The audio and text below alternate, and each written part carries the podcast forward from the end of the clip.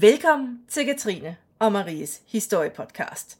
Jeg er Katrine, og med mig har jeg Marie, kvinden med det største samfundssind og den mest fugtige håndsprit i Danmark. Tak, fordi, uh, tak for den introduktion.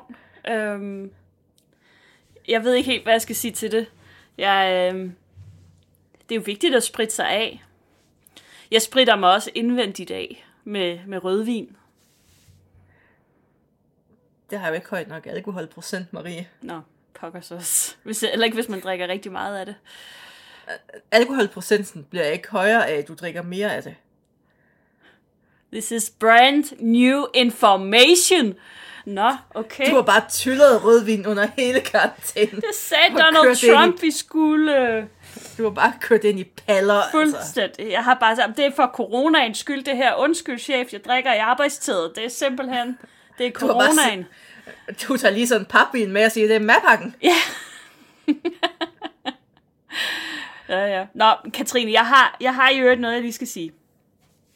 Det har du altid. Det står, og det står ikke i manus, så nu bliver Katrine nervøs. Nej, det gør jeg ikke. Det er kun dig, der bliver nervøs. Nej, men det er fordi, jeg blev ringet op her i eftermiddag af min far, øh, som øh, havde en lille anke. Fordi han synes simpelthen, at Horsens får alt for meget opmærksomhed i vores podcast. Så han ville gerne have, at vi bragte Glostrup lidt mere på banen. Nu siger jeg til din far, som jeg har sagt til alle enstjernede anmeldelser. Jeg er da ligeglad. Men, men han havde en pointe, fordi så, så sagde han, at, øhm, at øhm, kan du huske, vi, vi snakkede om Hermann Göring for noget tid siden. Jeg glemmer jo aldrig, når vi, snakker, når vi har snakket om Nej, her. og han, han øh, var ude at flyve. Og øh, han var blandt andet ude at lave flyvershows i Glostrup. Kom ikke her.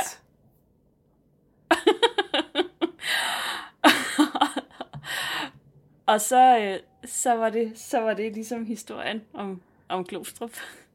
Jamen, altså, det er jo også vigtigt med de der små byer og lokal historie. Der findes, en, mm. øh, der findes faktisk en bog, der handler om Glostrups historie. Den er, den er, den er helt utrolig tyk. Det, Der findes også en bog på 600 sider om Hedensteds historie, Ja. skrevet af Jenny Madsen. Shout out. og, Kan vi gå i gang med et rigtigt afsnit nu? Ja, okay, okay. Ej, Marie, endelig. Marie, mm. det er sommer. Det er Ja. sådan lidt sol-ish. Og vi kan ikke rejse nogen steder hen. Nej, Altså det mest eksotiske, vi kan komme til, det er sådan de der små danske øer, vi aldrig har været på. præcis. Det er kedeligt. Du kan så Altså bare fordi, du kan Jarnø. komme, bare fordi du kan komme gratis til Jarnø, og det er ikke Jarnø sådan super spændende. Nej, Så, Maria, vi har valgt, at vi skal på tur igen. Og vi skal til Maries historiske hud, København. Woohoo! København! Mm. Landet uden jydekrog. og med en ordentlig gågade og ingen rutebilstation. Og ingen midtby. Jo, der er der. Kun et K. Det, det er også underligt, fordi K, det siger slet ikke midtby. Nej, jeg, jeg må faktisk indrømme, jeg ved, jeg tror ikke K rigtig står for noget. Det er en eller anden gammel postkode, hvis nok, men, men man ved, at man, der er ikke nogen København, der kalder det Midtbyen. Stop med at kalde København for Midtbyen. Men øhm, Katrine, det er jo naturligvis ikke en hvilken som helst byvandring. Fordi øh, sådan er det, når man rejser med historiepodcasten. Vi rejser endnu en gang tilbage i tiden for at tage en vandring rundt i Christian den 4. København. Han er jo en fantastisk konge. Eller det var som måske Host. ikke. Nå. Historiepodcasten gør opmærksom på, at turen sker på eget ansvar, og at vi derfor ikke kan tage ansvar for eventuelle lugtgener, sult, pest, kopper eller andre epidemiske sygdomme, som turen måtte medføre. Og der er ingen rejsegaranti. Og der er ingen rejsegaranti. Christian den 4. han er en af Danmarks historiens mest berømte og måske også berygtede konger. Altså, alt omtale er jo god omtale. Det kan man sige. Han er født i 1577 som ældste søn af Frederik den 2. og hans unge dronning Sofie. Og allerede som 11-årig, der går det sådan lidt skævt for Christian. Fordi at der må han træde ind i de voksnes rækker, da hans far dør. Og så arver Christian jo formelt, altså kronen. Han er sådan lige lidt til den unge side, kan man sige. Ja, han trods alt, ja. Ja, så han bliver ikke kronet. Og i praksis, så er det egentlig heller ikke ham, men et råd og hans mor, som styrer riget. Så 11-årig, Men han, teknisk set kongen, praktisk talt ikke kongen. øh, nej, han fortsætter simpelthen bare med at gå i skole. Og det er sådan set, det er jo meget fornuftigt. Og det er først i 1596, da Christian han er 19 år gammelt, at det her rød vurderer, at nu er det tid til, at han formelt overtager kongemagten. Og den 29. august samme år, der bliver han så kronet. Og Christian, han er jo en meget ung, men også en meget ambitiøs konge. Han sammenligner sig med de store europæiske fyrster, og så er det lige, at han ligesom står der i København, og den her by, den kan bare overhovedet ikke leve op til det image, han ligesom forsøger at skabe øh, om sig selv og sin kongemagt og sit rige og alt det her. Så han sætter sig simpelthen for, at han vil modernisere byen, som uofficielt er landets hovedstad. hovedstad. Den, den, den er det altså ikke officielt endnu på det her tidspunkt. Øh, og den er det ikke fordi, at kongemagten på det her tidspunkt, ligesom vi har tilbage i middelalderen, jo faktisk stadig rejser rundt i hele landet. Og derfor så rejser, hvad skal man sige, hovedstaden er der, hvor kongen han ligesom nu end befinder sig. Ikke? Så, øhm, men, men der er ligesom ikke nogen tvivl om, at han på det her tidspunkt tilbringer mest tid i København, og derfor er det naturligt, at man ligesom ser København som, som hovedbyen. Ja, og Christian, det, han har jo et ambitiøst projekt for sig, ja. foran sig. Og han er en heldig dreng, fordi han arver en propfyldt statskasse. Og han arver et rige, der i Europa betragtes som en stormagt. Men, ærgerligt for Danmark, der evner Christian overhovedet ikke at opretholde det her. Fordi på mange måder, så er han faktisk en utrolig dårlig konge. Og ikke mindst fordi han får trukket Danmark ind i nogle krige, som, altså vi havde jo nærmest ikke noget at gøre i dem. Og Nej. det dræner statskassen. Det er dyrt at gå i Han krig. elsker at gå i krig. Og han er dårlig til det. Han er så dårlig til det. Og derudover så lever han et liv i overhalingsbanen, og da han dør i 1648, der efterlader han en nation i fattigdom, og vi får aldrig rigtig genvundet den der position som stormagt. Nej, folk de det, griner det lidt af bliver os. aldrig rigtigt til noget igen. Nej, vi er bare sådan en lille put nation, som folk lidt griner af ude i verden derefter. Stadig. Stadig, stadigvæk. Vi har ikke noget at skulle have sagt.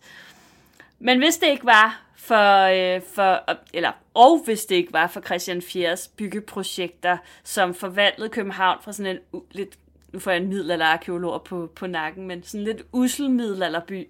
Øh, til Velkommen, Marie, til den her lille zone, hvor man sådan fra afsnit til afsnit gør sig uvenner med en ny gruppe arkeologer.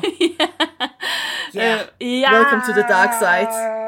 Nu hader middelalderarkeologerne os også usel Ej, dem, de havde deres allerede. Det har, jeg, det har jeg ordnet for mange afsnit siden. Jamen, det er altid dig, der tager. Det er dig, der gør det.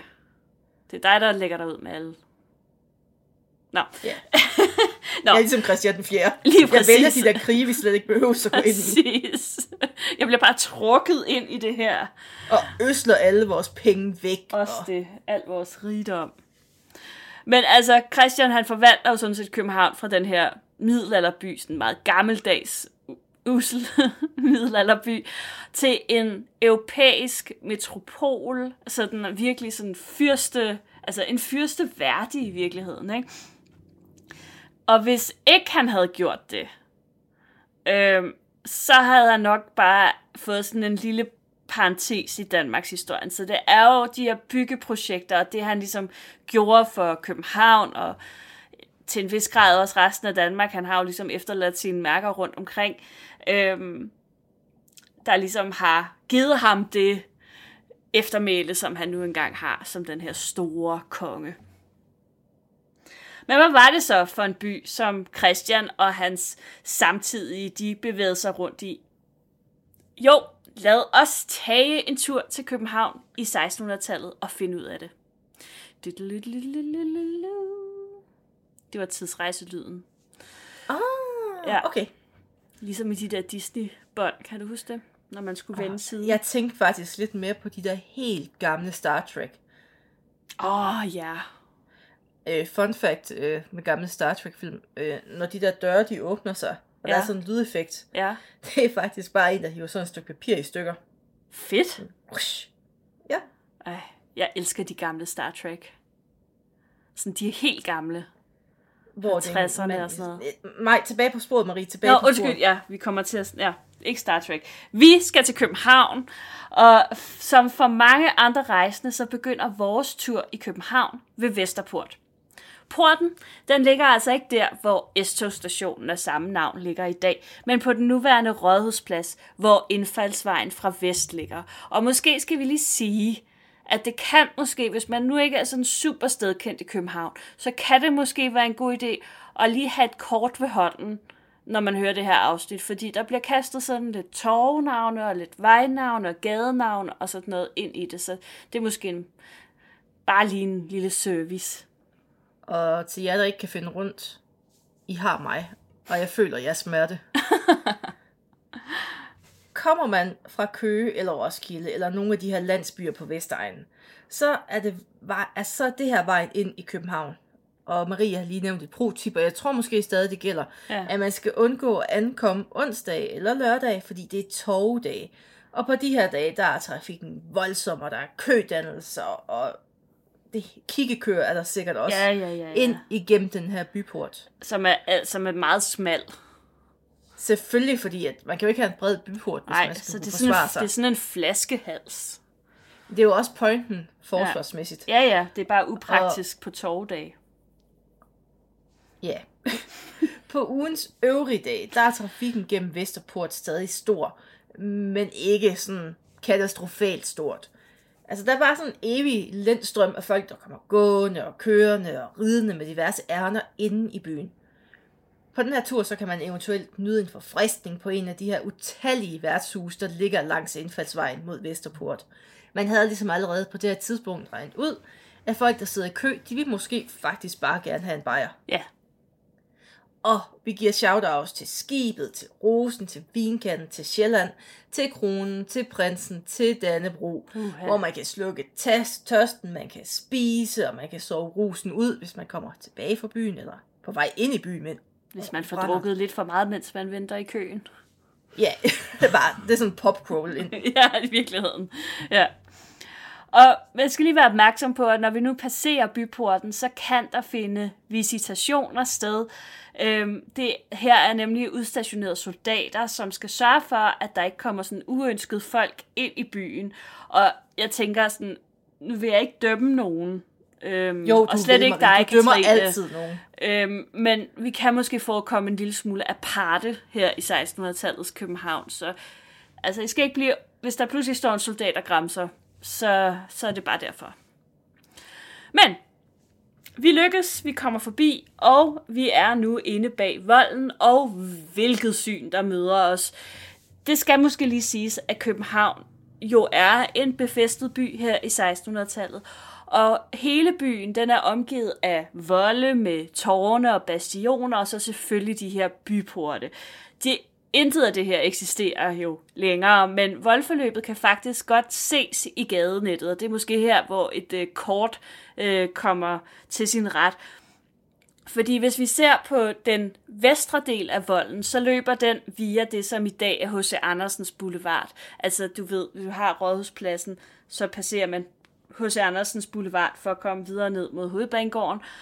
Øhm, og øh, den følger simpelthen H.C. Andersens Boulevard, inden den drejer oppe ved Nørre Voldgade og fortsætter hen til forbi øh, Nørreport station i virkeligheden og hen til Goddersgade, hvor den så drejer igen og løber ned øh, via Goddersgade hen over Kongens Nytorv og endelig stopper et sted omkring Vingårdstræde. Øh, jeg har et måske jydespørgsmål. Ja, Øh, nu siger du godt og skade, men er det ikke stadig god og skade? Jamen, det udtales Goddersgade. Nogle gange så føler jeg, at du lægger fælder for mig. Det er, ligesom, det er ligesom, at det hedder Købmagergade. Det hedder ikke Købmagergade. Okay. Der er så meget, man ikke forstår. Ja. Volden, den har ikke ændret udseende i flere hundrede år. Men byen, den er vokset, og i stedet for at vokse ud af, så er den bare blevet utrolig klemt og overbefolket. og der bor omkring 30.000 mennesker klemt inde mellem den nuværende Rådhusplads, Nørre Voldgade og Goddersgade, skråstreg Kongens Nytorv. Ja. Så ja, det er nok ikke det mest imponerende syn, der møder os, når vi står face to face med det her 1600-tals København.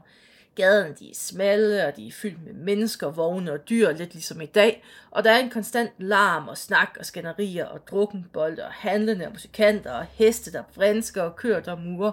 Og igen, lidt ligesom i dag. jeg skulle til at sige, det mindede mig lidt om en tur til Horsens, jeg har haft faktisk. Du har aldrig set en hest i Horsens.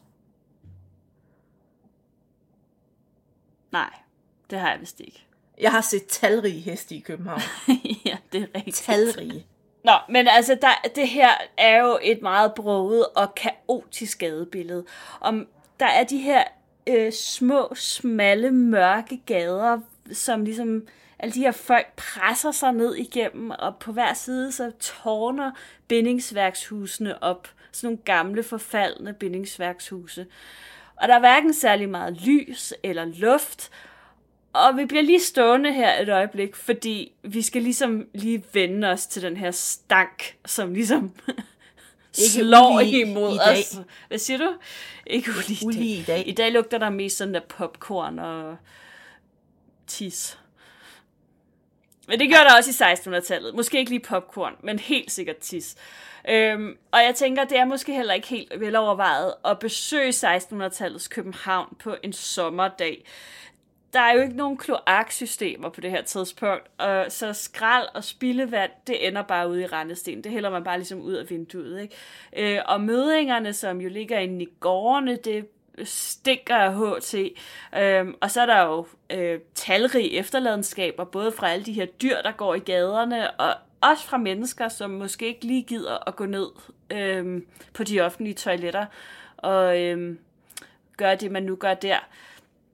Så altså, der, er- det stinker. Det stinker frygteligt. Og så er der jo ikke mindst den her konstante røglugt, som også hele tiden går ind i næsen og generer, og der er lugten fra alle bryggerierne. Der ligger virkelig mange bryggerier i København på det her tidspunkt.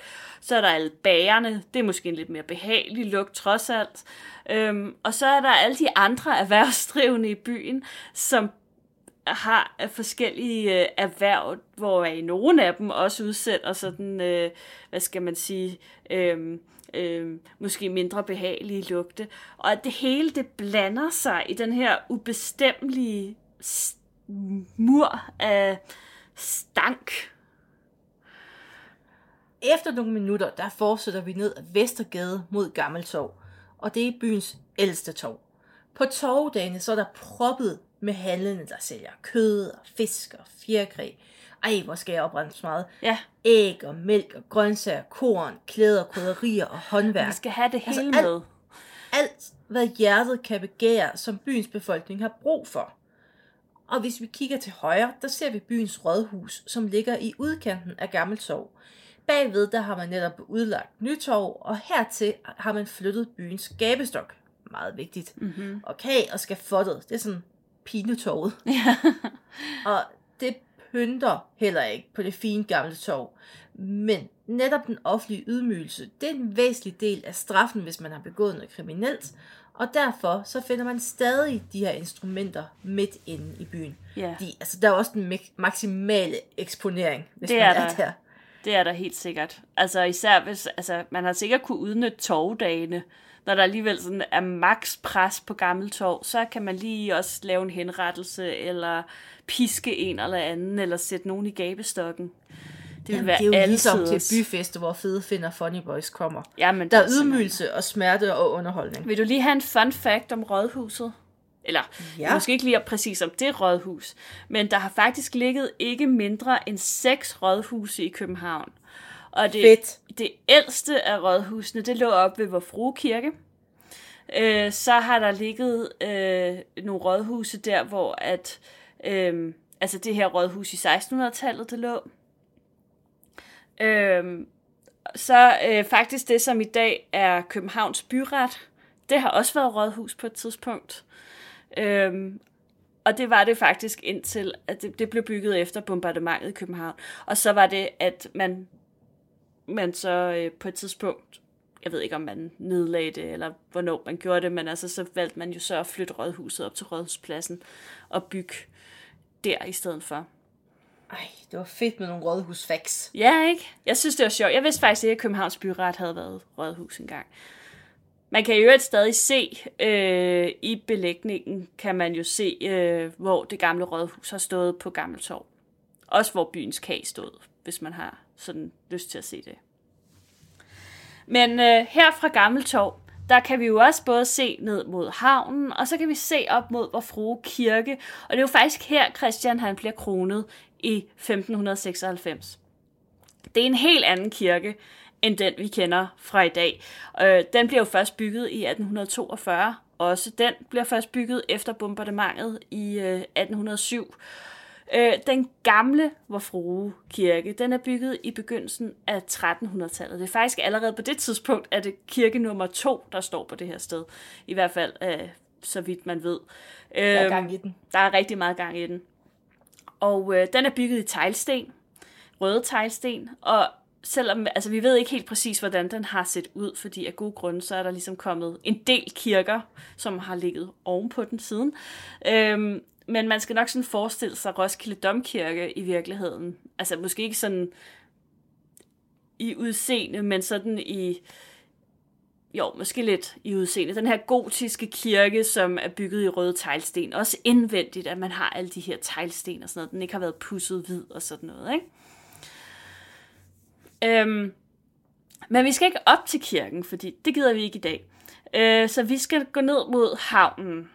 Øh, om ikke andet, så også fordi luften er en lille smule friskere hernede ved havnefronten. Så vi går ned af Rådhusstræde og ned mod Gammel Strand. Undervejs der passerer vi både boder og småhuse og større stenhuse. Og hvis man nu, nu tager, altså, øh, nævner jeg boder, øh, og hvis folk ikke ved, altså boder er også nogle bitte små ejendomme. Øh, i virkeligheden er der nok ikke den helt store forskel på en bod og, en, og et småhus. Øhm, men, men de har ligesom oftest en butik i underetagen, og, øh, og i øvrigt er det også dem, der ligger op omkring Gammel Torv, og når der ikke er torvedage, så er det så her fra de her boder, at, at man handler. Uh. Mm. De folk, som bor tæt ved havnen, det er hovedsageligt dem, der arbejder med maritime erhverv eller arbejder for kongen. Fra en opgørelse i 1645, der ved man, at der bor rebslæger, der bor skibere og skibstømrere og andre håndværkere, der på en eller anden måde arbejder med havnen eller i floden. Og derudover, der ligger der mange bryggergårde. Det gør sig gældende over det meste af byen, det her. I 1600-tallet, der kan det være direkte livsfarligt at drikke vandet fra brøndene. Altså, de var fyldt med alt muligt godt, og nogle gange var det levende. Og derfor der bliver der drukket enorme mængder af øl. Men det er jo ikke sådan, at alle går rundt og er sådan, altså, helt fulde hele tiden. Sådan en funktionspromille, tror jeg. altså det øl, man drak i løbet af dagen, det kan nok bedst sammenlignes med hvidt øl i virkeligheden. Ja. Og så kan man jo altid slå sig løs med brændevin senere på dagen, altså hvis man virkelig gerne vil være fuld. Altså, hvis man, altså der, er jo sikkert, der er sikkert også nogen, der drak brændevin i løbet af dagen, og havde sådan en, en fin promille på i, i hele dagens øh, forløb. Men, men det kan godt virke sådan lidt voldsomt, når man siger, at alle drak øl, og det var ligesom det eneste, de drak, og børnene drak også øl. Men man skal altså bare lige huske på, at det ikke nødvendigvis er, at det ikke sådan øl Det er ikke ligesom, når Marie drikker. Det er faktisk Nej. bare for at overleve det her. der er ikke, det er ikke promiller på, på 4,6 procent eller sådan et eller andet der er i. Nå, men langs med havnen, der finder man selvfølgelig også adskillige steder, hvor man kan købe øl, fordi sådan er det jo på havne. Og der er brændevin, og også steder, man kan købe brændevin, og der er værtshuse og spisesteder, og så er der selvfølgelig også her, herberger, sådan at folk de har et sted at sove, også øh, fremmede handelsfolk og den slags sømænd, der kommer til, til byen. Og så kan man faktisk også lige her på havnen lægge mærke til, at København faktisk allerede her i 1600-tallet er rimelig multikulti. Åh oh, nej, Martin Henriksen, han, han kan mærke sådan en disturbance in the force nu. Ja, nu kommer der snart et vredt Facebook-opslag. Men det er altså et faktum, at der siden middelalderen har boet rigtig mange forskellige folkeslag i København. Øh, bedst kendt er selvfølgelig hollænderne, som jo kom øh, hertil i løbet af 1500-tallet og slog sig ned ud på Amager. Øh, men her i øh, løbet af 1600-tallet, så begynder øh, i højere grad også jødiske familier at flytte til byen øh, og bosætte sig. Og de er især øh, bager, øh, og de er skræddere. Men der er også andre sprog, man hører, når man går rundt i, i gaderne, ud over måske øh, lidt øh, jiddisch og øh, lidt øh, hollandsk.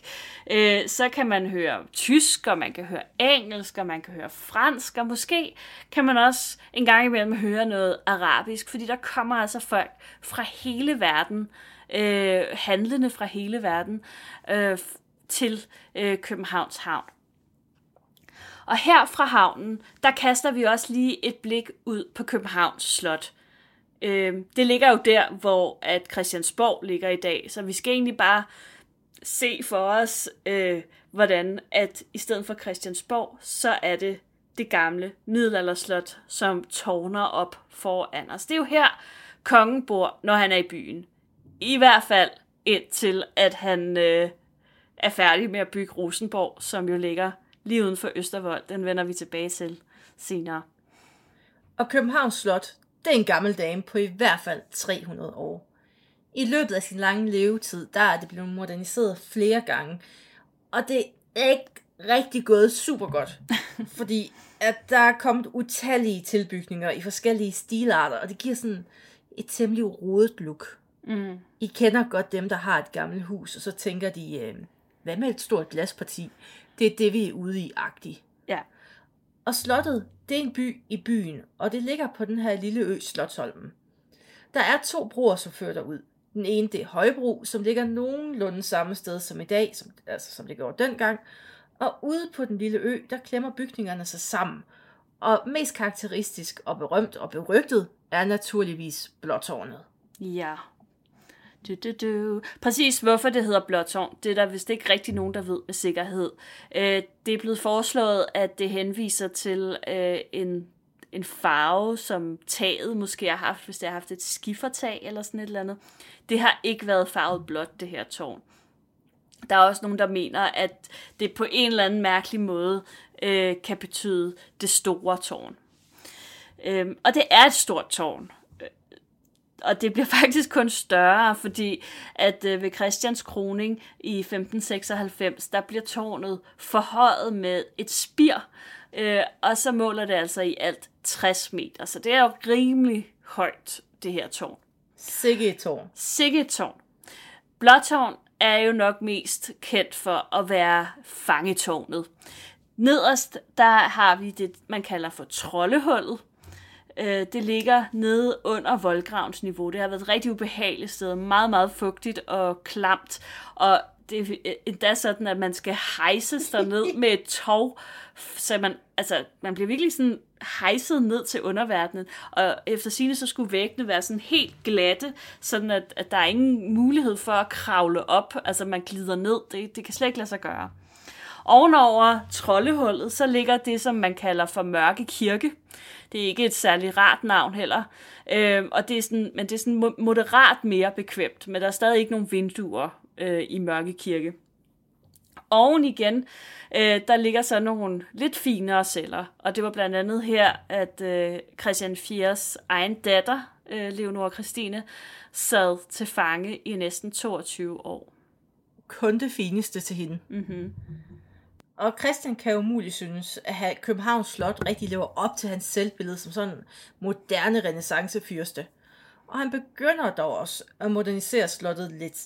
Men det er langt fra særlig gennemgribende. Det er ikke sådan noget total home renovation, vi er ude i. Grand designs.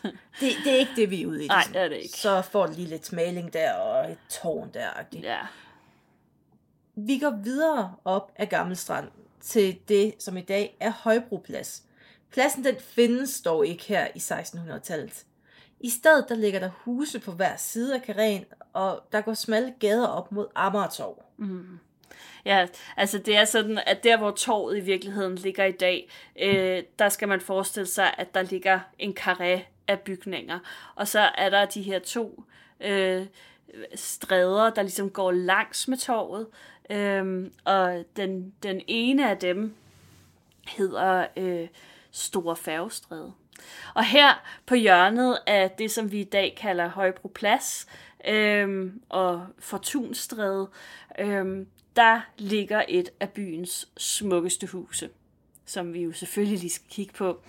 Øh, det er et stort stenhus bygget i hollandsk renaissancestil, og i 1700-tallet, der får det faktisk navnet Stenbukkens skov.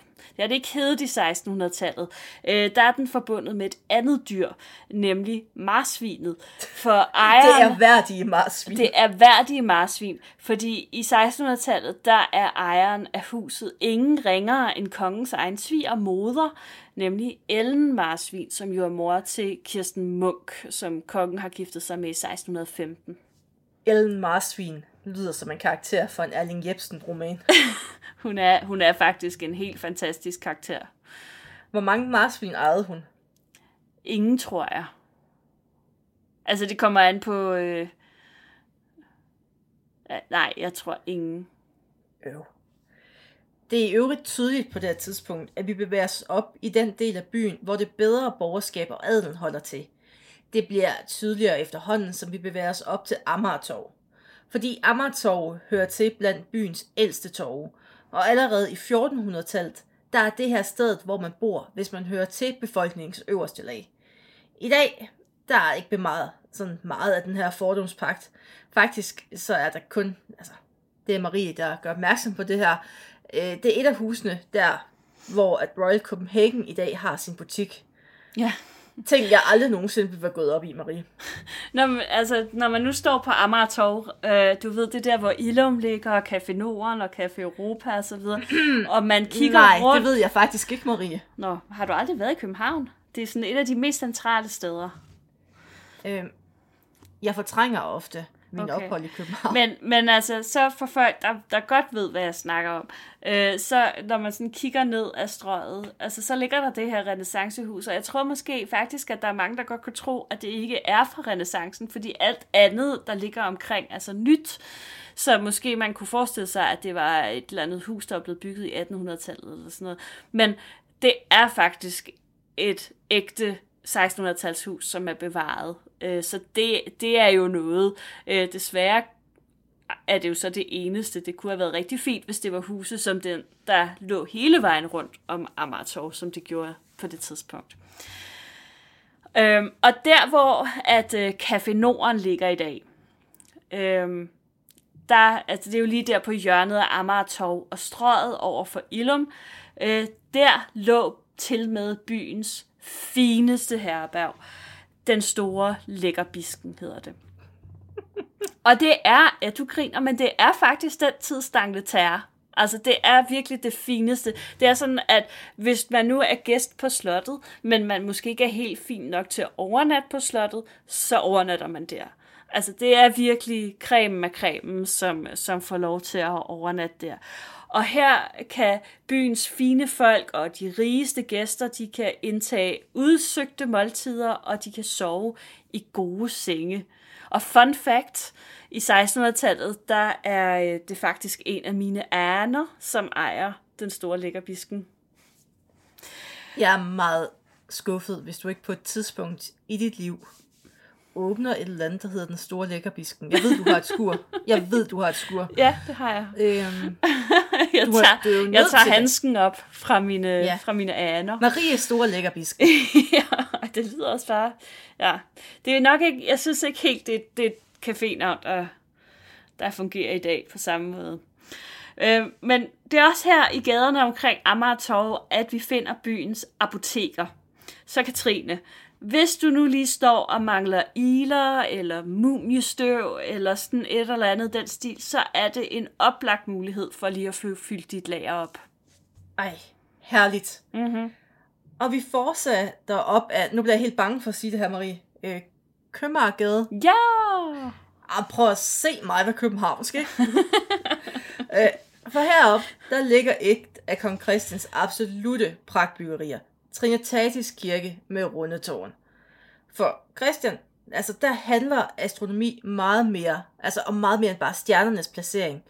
Fordi videnskaben på det her tidspunkt, det er jo overbevist om, at stjernerne de har betydning for livet på jorden og menneskens skæbne. og de mente astronomi og astrologi, det var to sider af samme sag, Det gjorde min hvilket vi godt også. ved i dag. Til min brors store irritation, som er uddannet astronom.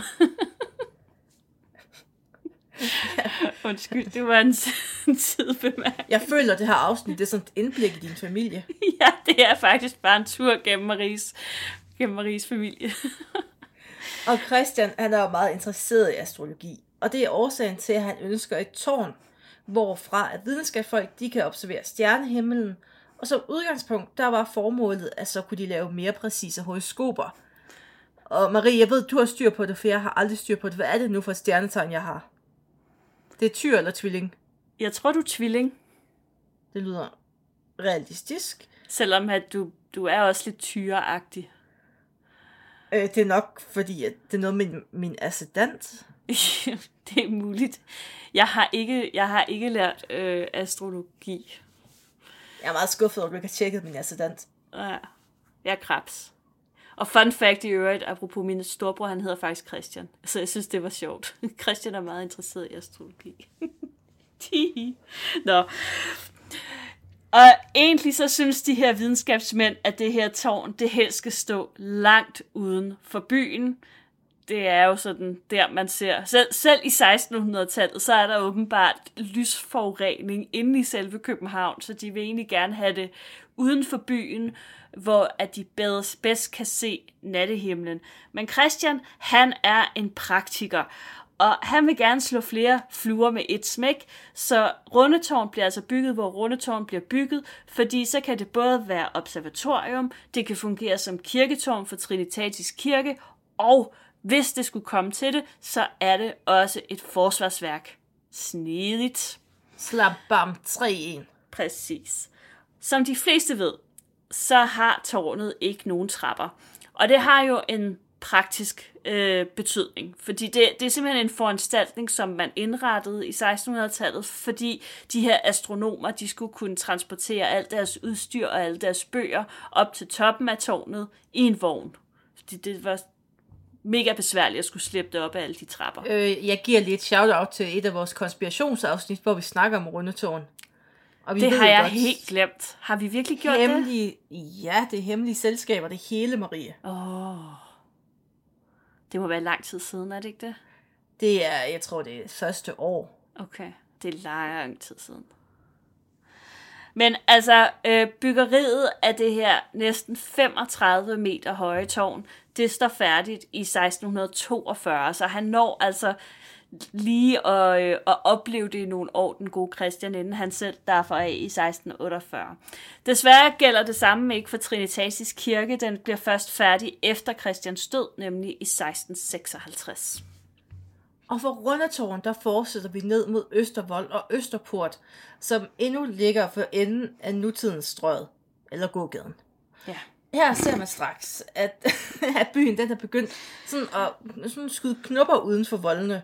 Fordi her uden for Østervold, der ligger det, som vi i dag vil betegne som øh, et nærmest et kolonihavekvarter i virkeligheden. Ja. Fordi her har byens borgere bygget små huse med haver, hvor de kan dyrke grøntsager og kål. Alt det, de ikke kan inde i den her meget klemte by. Ja, er det ikke sjovt? Det synes jeg er sjovt. Tænk engang, altså den hele ideen om sådan kolonihaver og den slags, det, det går meget lang tid tilbage i virkeligheden. Selvom de ikke kaldte det Øh, kolonihaver. jeg tror med det er tanken om, jeg vil rigtig gerne have mad, og ikke altid være afhængig af at skulle købe det. Og frisk luft, bare en gang imellem. Det kan man også få derude. En ny og næ, kan ny det vel være fint. I 1614, der bliver der faktisk også givet en bevilling til at åbne et værtshus uden for volden. Øhm, og her kan værtshusejeren, han kan få lov til at sælge både skinke og vin og tyskøl og danskøl og andre drikkevarer. Efterhånden så vokser byen uden for Østervold. Der bliver anlagt nogle gader og sådan noget. Og øh, på et tidspunkt så øh, vil Christian også gerne have, at bystyret finder en grund, hvor der kan bygges en ny kirke og anlægges en kirkegård. Det er et projekt, som ikke rigtig bliver til noget, men det er alligevel ret sjovt at nævne, fordi især det her kirkeprojekt er kæmpe stort. Det sættes i gang i 1640, og det er meningen, at det skal være en rund kirke.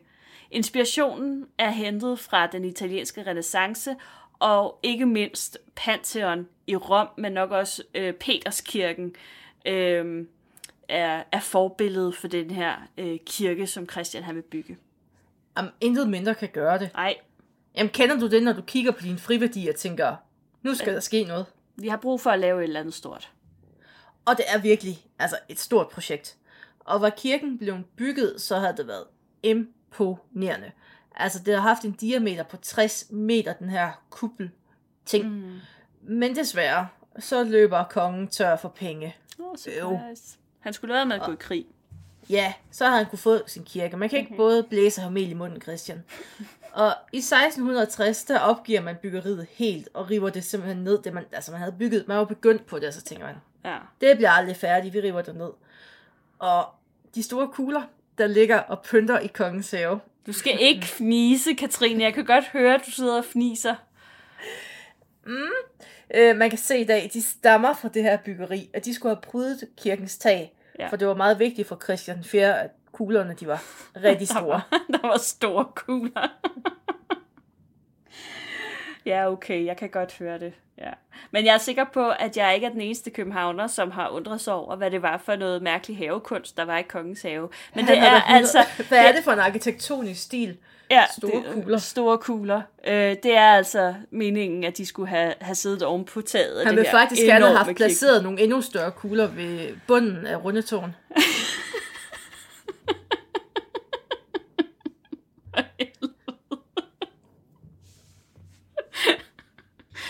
Uden tvivl.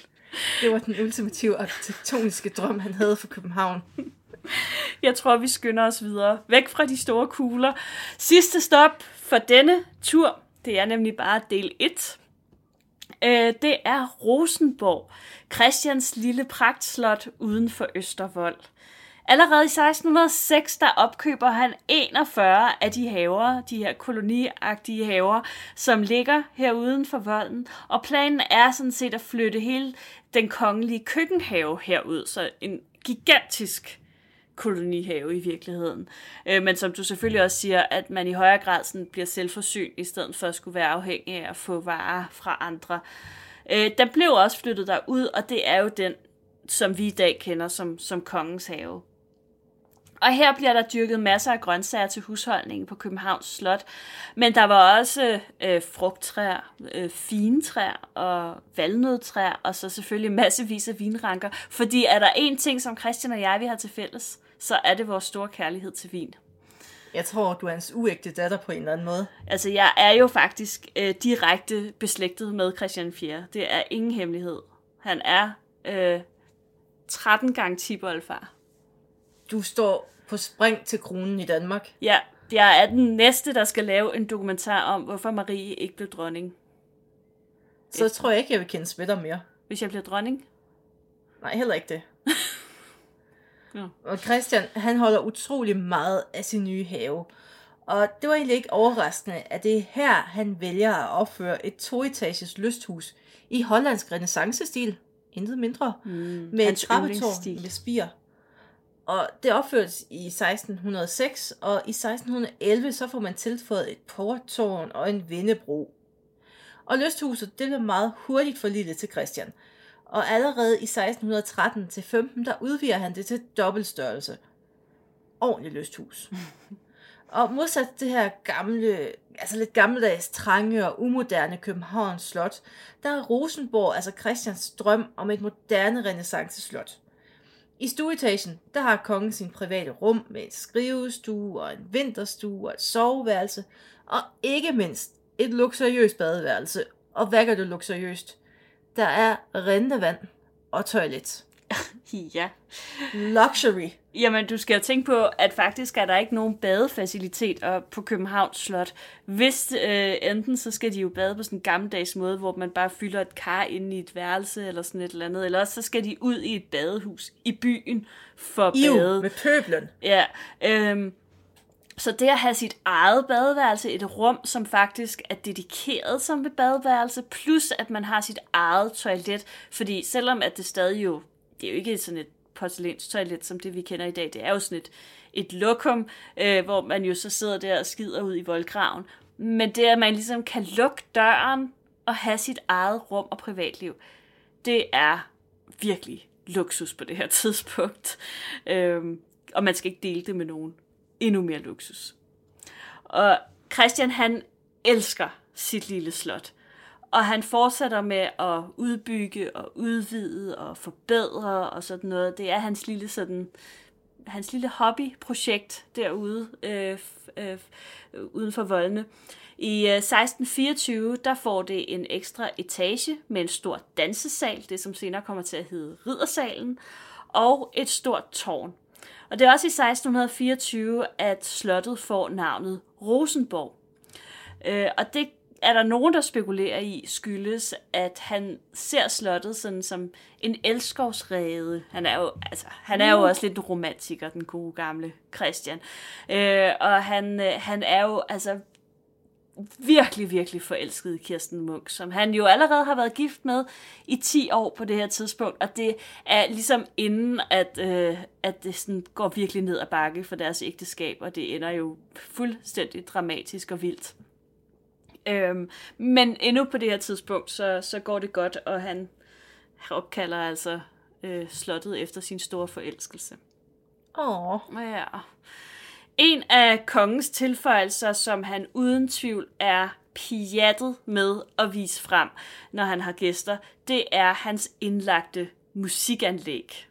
Oh yeah. Han er bare ligesom alle fædre, der har fået et Sonos-anlæg. Jamen, han skal bare... Og nu skal I bare høre her. Altså, kongen Og de placerer, er connected. de er mm. connected. Vi kan spille både musik ind i vinterstuen, og i skrivestuen, og på toilettet. What? What?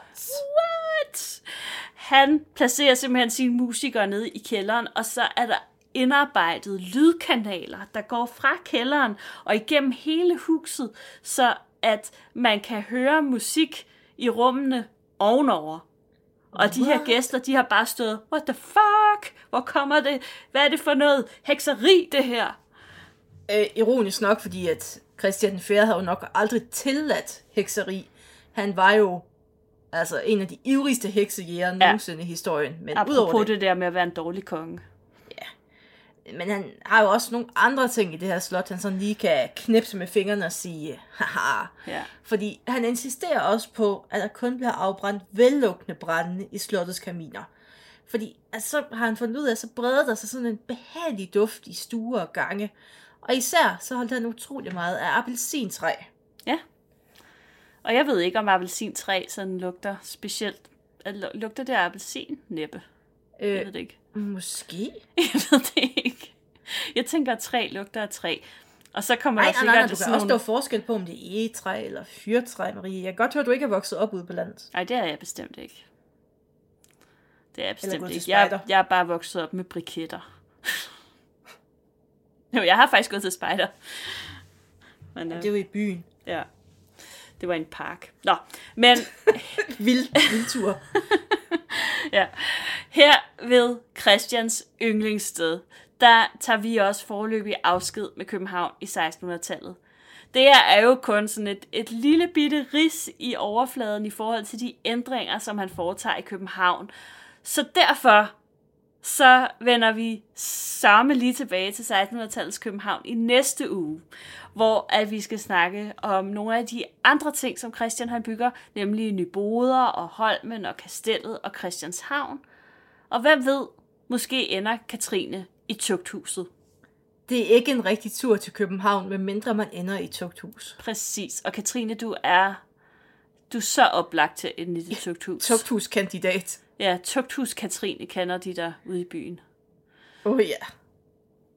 Og ikke Om... fordi jeg sidder i fængsel. og med de ord, tak fordi I lyttede med.